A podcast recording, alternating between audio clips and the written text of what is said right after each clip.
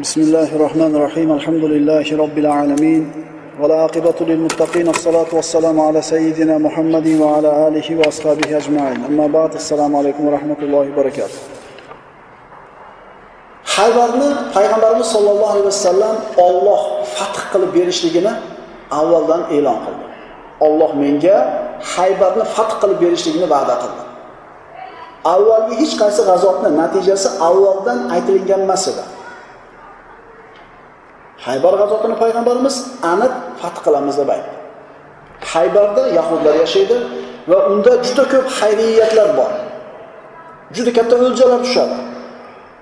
Natijani avvaldan eshitib, katta o'ljalarda olishlik umidida arablar, munofiqlar payg'ambarimiz sollallohu alayhi vasallam oldiga kelib, biz ham chiqaylik deyishdi. Rasululloh e'lon qildi. Haybarga men bilan faqatgina Hudaybiyada qatnashgan kishilar boradi. Ularning adadi 1400 edi. Boshqalarni xohlamayman dedi. Yuqorida aytib o'tganimizdek, avvaldan fath bo'lishligi aniq, juda katta o'ljalar tushishligi aniq. Endi arablar va munofiqlar ham kelib payg'ambarimizdan "Ya Rasululloh, bizga ham izn bering. Biz ham bu xayriyatdan mahrum bo'lmaylik. Biz ham savob umididamiz" deyishdi. Payg'ambarimiz aytdilar, men bilan faqatgina Hudaybiyaga chiqqanlar Haybarga boradi. Ular kelib ilhaq qilib turishib yo Rasululloh, tijoratimiz bilan ovora bo'lib qolibmiz. moli dunyolarimiz mashg'ul qilib qo'yibdi. Biz ham shahid bo'lishlikni xohlaymiz. Bizni bu hayriyatdan mahrum qilmang" deb qattiq turib olishganida payg'ambarimiz aytdilar, "Mayli" dedi. Hudaybiyada bo'lmagan kishilar mayli chiqsin, faqat ular o'lja olmaydi. Modomiki savob shahidlik umididami? Mayli qatnashsin, faqat o'ljalardan nasiba ularga berilmaydi. Buni eshitganidan keyin bu arablar, bu munofiqlardan birortasi chiqqani yo'q. Ya'ni ularning niyati to'g'ri emasligi mana shu qilayotgan ishlaridan ma'lum bo'lib turibdi. Alloh taolo ularning qalblaridagi narsani Qur'on oyatlari bilan kashf qildi. Astagfirullah. سيقول المحلفون إذا انطلقتم إلى مغانم لتأخذوها ذرونا نتبعكم يريدون أن يبدلوا كلام الله قل لن تتبعونا كذلكم قال الله من قبل فسيقولون بل تحسدوننا بل كانوا لا يفقهون إلا قليلا mana quyida Fath surasidan bir qancha oyatlarni o'qiymiz. Fath surasi Hudaybiya sulh haqida so'z yuritadi. Undan keyingi bo'ladigan ishlar haqida so'z yuritadi. Alloh taolo aytadi: "Hali sizlar Haybar jangida qo'lga kiritgan o'ljalarni olish uchun ketayotgan vaqtingizda chiqmasdan qolgan kimsalar bizlar ham o'sha o'ljalardan olish uchun sizlarga ergashishimizga yo'l qo'yinglar" dedilar. Ular Allohning kalomini o'zgartirmoqchi bo'ladilar. Ayting, hargiz bizlarga ergashmaysizlar. Alloh ilgari mana shunday degan edi. Endi ular, "Yo'q, sizlar bizlarga hasad baxillik qilmoqdasizlar" dedilar. Yo'q, ular kamdan kam narsalarnigina anglarlar. Arobiylardan bo'lgan, ya'ni chiqmasdan qolgan munofiq kimsalarga ayting ey Muhammad alayhissalom Yaqinda sizlar kuch-quvvat egalari bo'lgan bir qavm bilan jang qilishlikka da'vat etilursizlar. Yaqinda jang bo'ladi, shunda chaqirilasizlar. O'shanda ular bilan urushursizlar yoki ular jangi jadalsiz islomga kirurlar. Ya'ni ana shu paytda chaqirilganda itoat qilsanglar, Alloh taolo ajringlarni to'liq qiladi. Agar osiylik qilsanglar, Allohning jazosi qattiq bo'ladi. Mana endi mu'minlarga Xudoybiyada qatnashganlarga Haybarda aniq g'alaba bo'lishligini Alloh taolo bashoratini berdi. Nimaga unday bashorat berdi? Chunki musulmonlar Rasulullohning ustida qiyin holat turganda yonida turib berishlikka rosakan va'da bergan edi. Alloh shuning uchun ularga mukofot berdi. Ey Muhammad, dar haqiqat Alloh mo'minlardan ular daraxt ostida sizga bay'at qilayotgan vaqtlarida rozi bo'ldi. Hudaybiyada payg'ambarimizni qo'liga qo'lini qo'yib payg'ambarimizga so'zsiz itoat qilamiz, jang bo'lsa sizni tashlab ketmaymiz deb va'da berganligi uchun Alloh ulardan rozi bo'ldi. Bas u zot ularning dillaridagi narsa, sadoqat va vafoni bilib, ularga sakinat, orom tushirdi. Va ularni Haybar jangida erishiladigan yaqin g'alaba va faqat o'zlarigina oladigan ko'pdan ko'p o'ljalar bilan mukofotladi. Alloh qudrat va hikmat sohibi bo'lgan zotdir. Ularni qalbidagi niyati payg'ambarimizni tashlab ketishlik emas edi. Agar Quraysh bilan jang bo'ladigan bo'lsa, Rasulullohning oldida turib beramiz deb turib, payg'ambarimizga so'z bergan edi va mana shu narsa haqiqiy va'da edi. Ularni qalbida shu ahdiga vafo qilishlik niyati bor edi. Shunga mukofot qilib Alloh taolo tezda keladigan o'lja Haybarni va'da qildi. Va allazi kaffa aydiyakum ankum va aydiyakum anhum. U Alloh Makkani ichida Hudaybiyada sizlarning, ularning Makka mushuklarining ustiga g'olib qilgandan keyin ularning qo'llarini sizlardan, sizlarning qo'llaringizni ulardan to'sgan zotdir. Ya'ni sulh bo'lib Quraysh musulmonlarga tajovuz qilmay qo'ydi. Musulmonlar Qurayshga tajovuz qilmay qo'ydi. Musulmonlar nimaga Makkada jang qilishlik imkoni bo'lib turib sulh bilan qaytishdi? Musulmonlar urushlikka qodir edi. Musulmonlar agar Makkaga Alloh taolo izn berib jang bilan kirib borishganida Makkada hali hijrat qilmagan musulmon va musulmonlar bor edi. Agar musulmonlar qurol bilan kiradigan bo'lsa, ularni tanimasdan qatl qilgan bo'lar edi va o'zlariga qattiq bir musibat, or, gunoh bo'lar edi. Endi musulmonlar sulh bilan qaytishligi ularni mana shunday bir musibatdan saqladi. Musulmonlar ortiga qaytib ketar ekan, mana o'tgan darsimizda aytdik, Umar ibn Hattob, "Ya Rasululloh, axir siz tushingizda umra qilib, sochlarimizni oldirib, qisqartirib, qurbonlik qilamiz deb aytmaganmidingiz? Tushingizda ko'rganingizni aytmaganmidingiz?" dedi. Rasululloh aytdilar, "Ha. Ey Umar, shu yil bo'ladi deganmidim bu ishni?" dedi. Alloh taolo mana shu Umar ibn Hattobni aytgan so'ziga shunday oyatlar nozil qildi. لقد صدق الله رسوله الرؤيا بالحق لتدخلن المسجد الحرام إن شاء الله آمنين muhalliqin ru'usakum va muqassirin la taxofun. Qasamki Alloh o'z payg'ambariga u kishi ko'rgan tushni haqqi rost qildi. Kirasizlar payg'ambarni tushi haqq albatta sizlar ey mo'minlar inshaalloh masjidil haromga tinch omon sochlaringizni qirdirgan yoki qisqartirgan holingizda xavfu xatarsiz kelasizlar hudaybiyaga kelishganida musulmonlarda xavotir bor edi. Tinchlik bo'ladimi, jang bo'ladimi, shuning uchun qurollarni o'zlarini olib kelgan edi. Sizlar Hudaybiyaga kelganda xavotir bilan kelgan edinglar. Inshaalloh keyingi umra qilishdi musulmonlar. Endi tinchlik bor, sulh bor, tinchlik, xotirjamlik holatida ular umra qilishgan. U Alloh o'z payg'ambarini hidoyat va haq islom bilan u dinni barcha dinlarga g'olib ustun qilish uchun yuborgan zotdir. Allohning o'zi ushbu va'dasini ro'yobga chiqarishga, ro'yobga chiqishiga yetarli guvohdir. Albatta islom g'olib bo'ladi. Kofirlar, islom dushmanlari har qancha xohlashsin, xohlashmasin, bu din albatta g'olib bo'ladi. Hudaybiya sulh tuzildi. Musulmonlar ortiga qaytishdi. Alloh taolo Fath surasida qarang. Bu surada Hudaybiya sulh haqida, Haybar fath haqida, Qazo umrasi haqida, Makka fath haqida, Hunayn va Toif haqida Alloh taolo xabarlarni berdi. Kelajakda nima ishlar bo'lishligini Alloh taolo avvaldan bayon qilib qo'ydi. Bu Qur'on o'tmish haqida nimani gapirgan bo'lsa, ayni haq edi. Va kelajak haqida nimani gapirgan bo'lsa, bu hammasi haq bo'lib chiqdi. Bu Qur'onning mo'jizaligi. Xandaq g'azotida qatnashgan qabilalarni payg'ambarimiz ta'zirini beradi. Mana bilamiz 5-yilda Xandaq g'azoti bo'lib o'tdi. Mushriklar hech narsaga qodir bo'lmasdan orqaga qaytib ketdi. Endi payg'ambarimiz ularni mana shu Xandaqda qatnashgan mushriklarni bittama-bitta ta'zirini berar edi. Xandaq g'azotiga, ya'ni Xandaq g'azotini boshlanishiga kim sabab bo'lgan edi? Yahudiylar. Haybarga borgan Banu Nazir yahudiylari Haybar musulmonlarga nisbatan fitnaning o'chog'i edi. Mana shu joydan Xandaq g'azotining birinchi qadami qo'yilgan edi. Shuning uchun payg'ambarimiz Xudaybiyadan qaytishi bilan birinchi qilgan ishi Haybardagi yahudlarni ta'zirini berishlik edi. Bu vaqtda Haybar podshohi Kanona ibn Abi Huqayb edi. Haybar Madinaning shimol tarafida 70 mil uzoqlikda joylashgan bir joy edi. Yahudiylar shu yerda yashardi. Haybarda yahudlardan boshqa hech kim yo'q edi.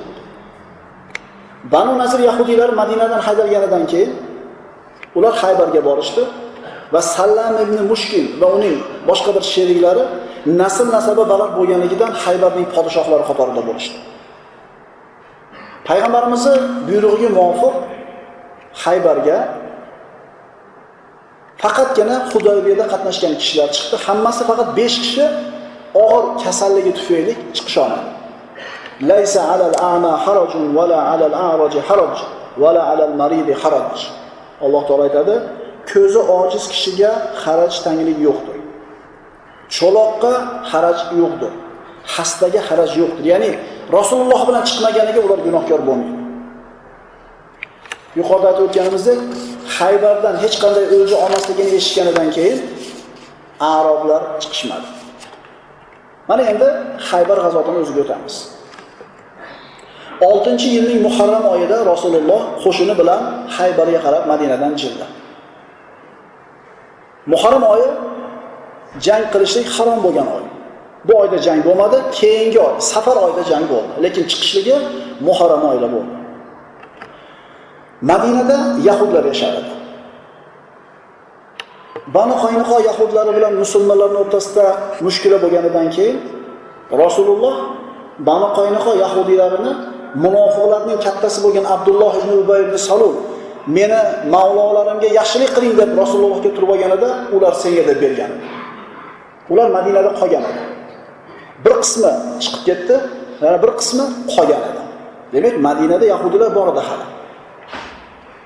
Banu Nazir haydaldi, Banu Qurayza so'yildi. Endi Banu qaynoqo esa so'yilmadi ham, haydalmadi ham. Bir qismi chiqib ketdi, bir qismi qoldi. Va mana shu uchala qabiladan tashqari yahudiylarning bir urug'lari ham bor edi. Musulmonlar Haybarga ketayotganligini eshitgan bu Madinadagi yahudiylar musulmonlarni qoldirishlik uchun har xil gaplar qatishni boshlashdi. Vallohi musulmonlar agar Haybarga borsa qatl bo'lishadi. U yerda 10 ming qo'shin bor. Shunday bir musulmonlarni ma'naviyatini tushirishlik uchun, qo'rqitishlik uchun shunday bir gaplarni tarqatishdi. Hamda yahudiylar ahli davlat edi. Puldor.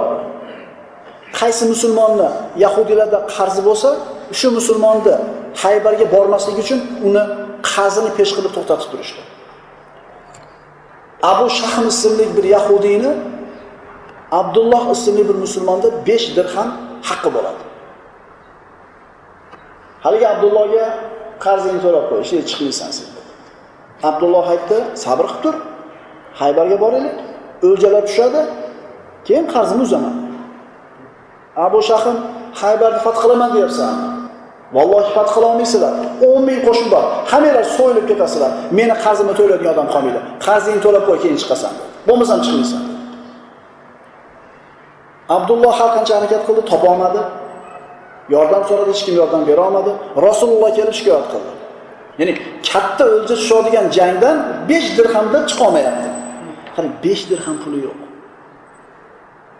Musulmonlar mana shu Haybar fath bo'lguncha nihoyatda bir faqir bo'lgan. Oysha onamiz aytganlaridek, Haybar fath bo'lguncha qornimiz to'yib non yemaganmiz deydi. Ya'ni 6 yilda shunday bir katta janglar bo'ldi, katta bir mushkulalar bo'ldi. Musulmonlarning qorni och. Demak, boylikka taqa bo'lmas ekan. Biz hamma narsa shu pul bo'lsa ham tekkiz oladi deymiz, yo'q unaqa emas ekan. Iymon ekan hamma narsaning asosi. Rasulullohga kelib shikoyat qilganida payg'ambarimiz aytdilar, qarzingizni uzib qo'ying dedi. Ya'ni Abdulloh roziyallohu anhu kiyimlarini sotib 5 dirhamga uzdi. Keyin ketdi. Jang tugaganda juda katta o'lja tushdi musulmonlarga. Shu Abdullohni o'lishiga hozir haqdor bo'lib turgan Abu Shahmning qarindoshlaridan bitta ayol cho'ri bo'lib o'ljasiga tushdi, nasibasiga. haligi ayol ertalab kelib turib Madinaga. Abu Shahmga ko'rsatib, bu meni cho'rim bo'ldi dedi. Sotib olasanmi endi dedi. Rozi bo'ldi, katta mablag' evasiga sotdi. Yahudilar mana shunday qilib musulmonlarni Haybardan qaytarishlikka harakatlarni qilishdi. Musulmonlar Haybarga tayyorgarlik ko'rayotganini eshitgan Madinadagi yahudiylar Haybarga odam jo'natishdi. Banu Ashja qabilasidan bir arobiyni chaqirishib, Madinada bo'layotgan ishni xabarni yetkazdi işte. Undan tashqari Abdulloh ibn Ubay ibn Salul ham Haybarga odam jo'natdi. Musulmonlar Yahudiylar jo'natgan odamni tutib olishdi. Lekin Abdulloh ibn Ubay jo'natganni tutisha olmadi. Yahudiylarga Madina tayyorgarlik ko'rayotgani haqida xabar keldi. Payg'ambarimiz parvo qilmadi bunga. Chunki bu jangni natijasi Alloh tomonidan va'da qilindi, avvaldan ma'lum. Odatda payg'ambarimiz biror bir qabilaga yurish qilsa, shu ko'zlagan tomoniga qarab yurmas edi. Aksincha boshqa tomonga yurar edi. Odamlarni chalg'itishlik uchun. Ma'lum bir masofa yurgandan keyin burilar edi xohlagan tomoniga. Bu safar unaqa qilmadi. To'g'ri haybat tomonga qarab chiqdi. Chunki aytyapmiz, natija avvalidan ma'lum. Yahudiylar xabar topganlaridan keyin tayyorgarlikni boshlashdi. Yetarli vaqt bo'ldi ularni oldida. Chunki erta keldi xabar.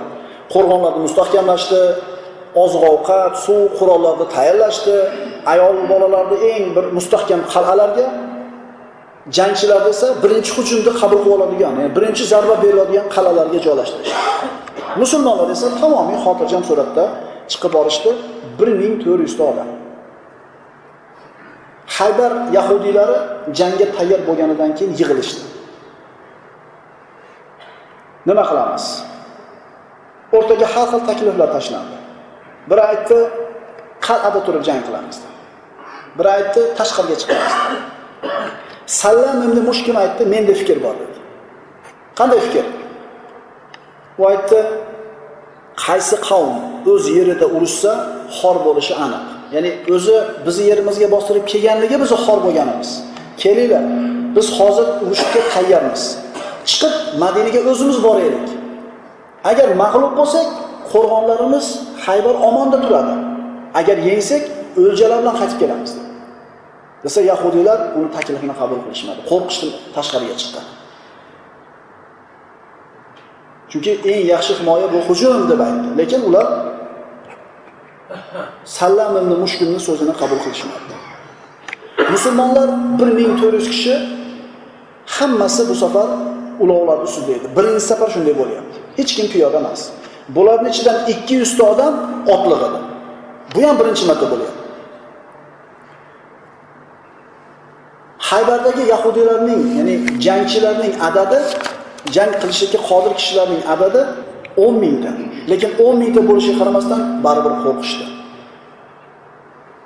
Kofir bo'lgan boshqa arab qabilalarini o'zlariga yordam berishlik uchun da'vat qilib bir jamoani chiqarishdi.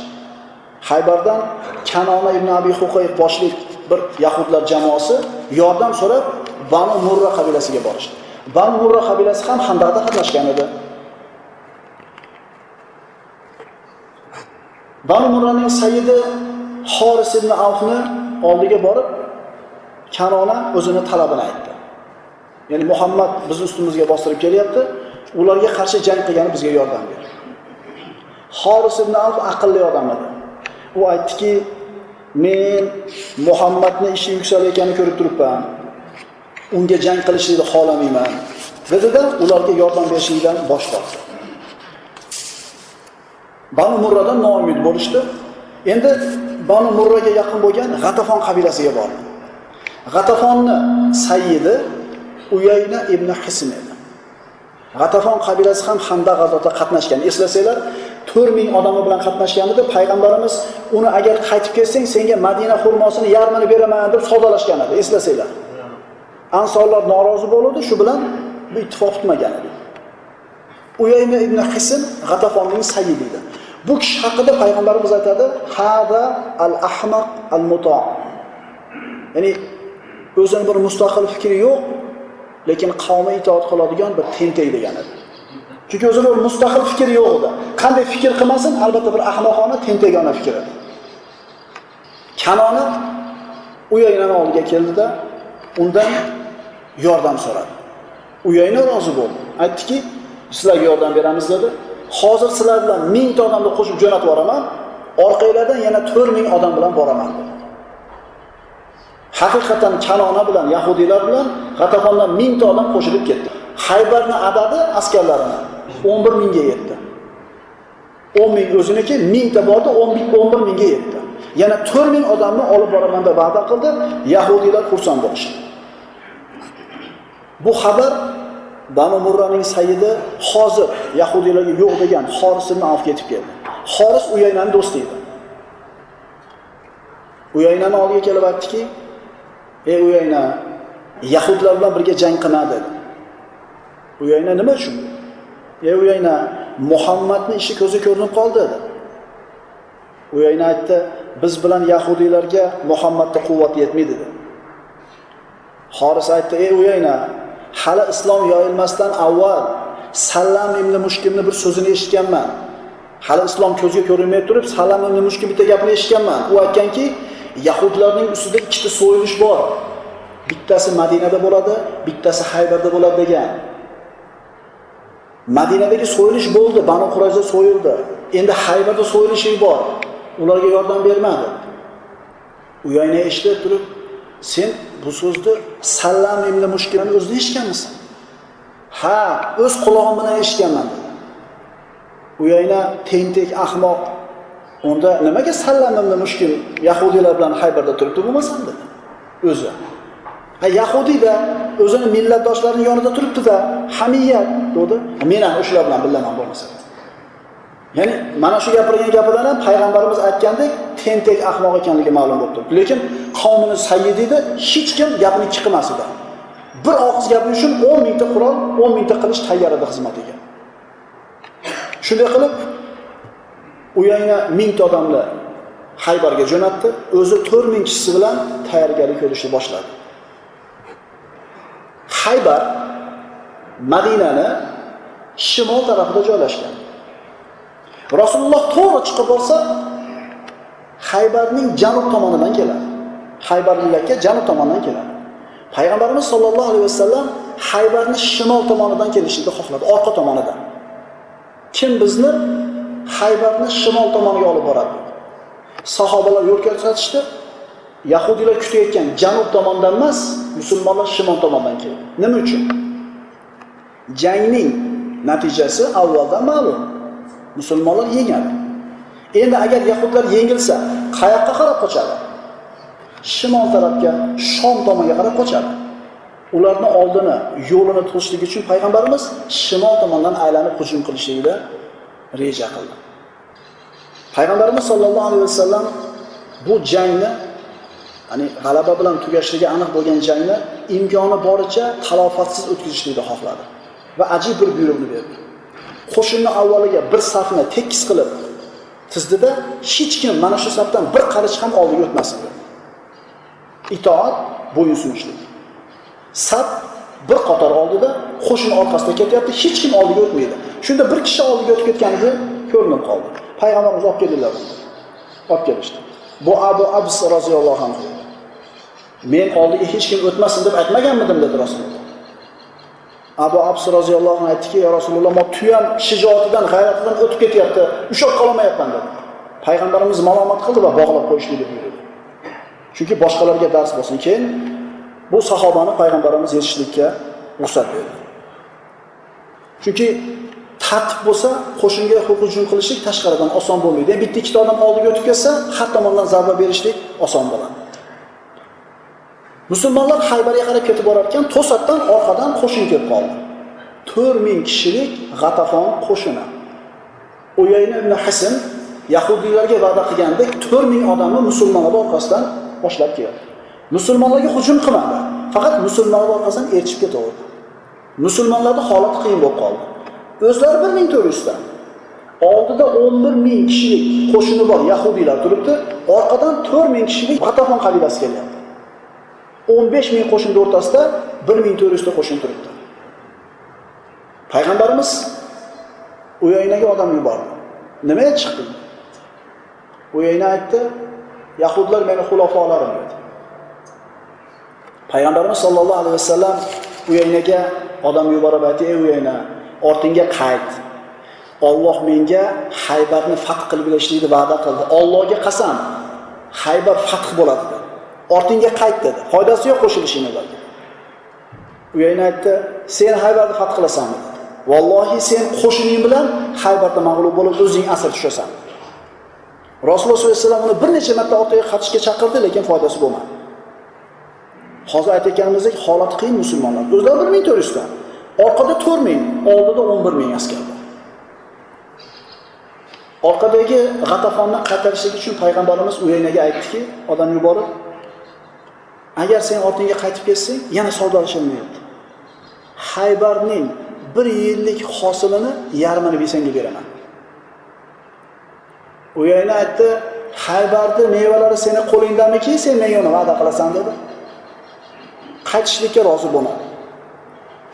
Haybarga yaqin masofa qolgan paytda Uyayna o'zini qo'shinidan o'zib o'tib ketdi-da, ularni qoldirib 4000 kishini ertaroq borib yahudiylarning qal'alariga kirib oldi. Uni yana bir marta orqaga qaytarishlik uchun payg'ambarimiz Sa'd ibn Uboda roziyallohu anhuni bizdan o'zibroq Haybarga yetib boring, unga yana bir taklif qiling dedi. Sa'd ibn Uboda musulmonlardan o'zib Haybarga yetib bordi. Uyayna chiqdi. Sa'd ibn Uboda aytdi: "Ey Uyayna, G'atafonni olib ortingga qayt. O'zinglarni mushkulaga kirgizma. Haybarni fath bo'lishi aniq. Allohning va'dasi bor. Agar qaytsang, bir yillik Haybarni hosilni senga beramiz dedi. yana rozi bo'lmadi. Shuncha taklif qilinsa ham rozi bo'lmadi. Ey Uyayna dedi Sa'd. Hozir berilayotganda ol dedi. Hali vaqt o'tgandan keyin kelib so'raysan baribir. Unda qo'limizda senga qilishdan boshqa narsa bo'lmaydi dedi. Uyayna aytdi, biz bilan yahudiylarga kuchinglar yetmaydi dedi. Oramizda faqat qilich bor dedi. Sa'd ibn Uboda shunday bo'lsin dedi-da, orqasiga qaytib keldi. Ko'nmaganligini payg'ambarimizga aytganida payg'ambarimiz aytdi, hasbunalloh va ni'mal vakil. Allohga tavakkal qilinglar. Chunki va'da aniq. Bular 15 ming emas, 35 ming bo'lganda ham baribir ollohni va'dasi haq. Allohga tavakkal qilishdi. Adadi 10 barobar oz bo'lishiga qaramasdan Allohga tavakkal qilib chiqishdi. Shunda ketishayotganida, ya'ni holat o'zgarmadi. Orqada 4000, oldida musulmonlar, ularni oldi yahudlar. To'satdan G'atafon qo'shini orqa tomonidan bir kishi keldida, "Adriku nisaakum, adriku avladakum" deb qichqirdida orqasiga qaytib ketdi. Ayollaringlarni qutqaringlar, bolalaringlarni qutqaringlar dedi-da ketdi. Bu G'atafon tomonidan kelgan. G'atafonlik 4000 askar o'ylanib qoldi. Biz yerimizni tashlab chiqib ketganimizda boshqa bir qabila bir hujum qildi shekilli deb xavotirga tushib qolishdi. Uyaynani chaqirishlik uchun Haybarga elchilarni jo'natib, o'zlari orqasiga qaytishdi. Uyaynaga bu xabar yetib borganda, bizni qavmimizga tashqaridan hujum bo'libdi degan xayolga bordida, o'zi jo'natgan avvalgi 1000 odamni oldida, u ham Haybarni tashlab qaytib ketdi uyga. Shunday qilib, G'atafonliklardan birorta odam qolmadi. Uyga qaytib borishida hamma yo'q tinchlik. Nima bo'ldi? Hech gap bo'lgani yo'q.